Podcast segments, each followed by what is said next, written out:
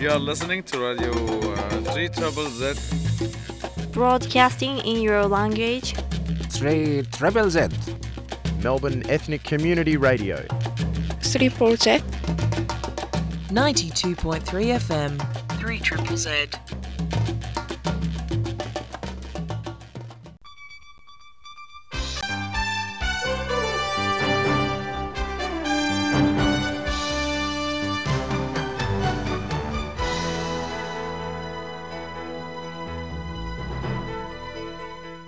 Neues von der jüdischen Welt.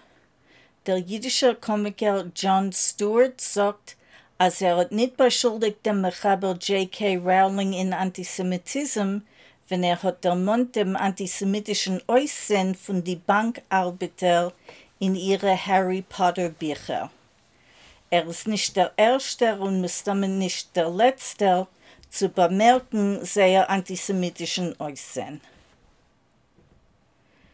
Niederländische Jiden haben sich beklagt, als er gewesener Premierministers Beschuldigung, als Jiden haben untergezunden die Heimen von palästinischen Schreinen in 2015 in Medinas Israel ist ein Fall von Blutbilbel.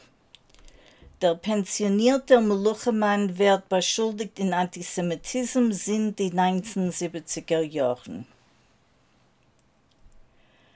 A britischer Rov, was hat hecher 30 Jahre gebroadcast von BBC, hat resigniert von der BBC sagendig, als die Kooperation ist antisemitisch, nachdem wie die BBC hat beschuldigt jeden, welche seinen befallen geworden in London, ihn haben ausgerufen antimuslimische Ausrufen besen Anfall.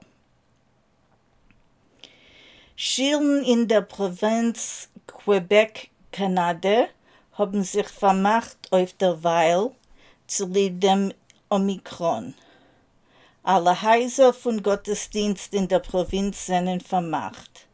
An ihre 100.000 Jiden wohnen in Quebec, was nimmt rein die Stadt Montreal in ihre Vorstadt. Die israelische Regierung hat zugesagt zu melden Amerika wegen wichtiger Abmachen zwischen Israel und China. Der Rov, was hat verloren ein Finger bei einem antisemitischen Unfall in Poway, California, ist vermischt geworden zu 14 Chadoshim Turme für finanzielle Missbrüchen. Der Anführer von der Programm war Firma in Amerika hat gesagt, Governors und Geschäftsleit in die Vereinigten Staaten, als die Covid-Epidemie ist ein jüdischer Plotke. Israels aschkenazischer Hauptrauf hat gerufen, alle, welche haben gelitten von sexuellen Verbrechen, zu bringen, sehr gewiss Eides zur Polizei und das nicht zu verhalten. Die israelische Regierung hat gemolden, als sie wird noch als verwehren, Reisende hereinzukommen in Land von Amerika, aber als sie wird reduzieren Restriktionen auf Reisende Bechlall. Eine neue Organisation von älteren Frauen bekämpft den Neonazismus in Österreich und in Deutschland. Die Gruppe heißt die Omes, was heißt Bobes. You are listening to Radio uh, 3 Trouble Z.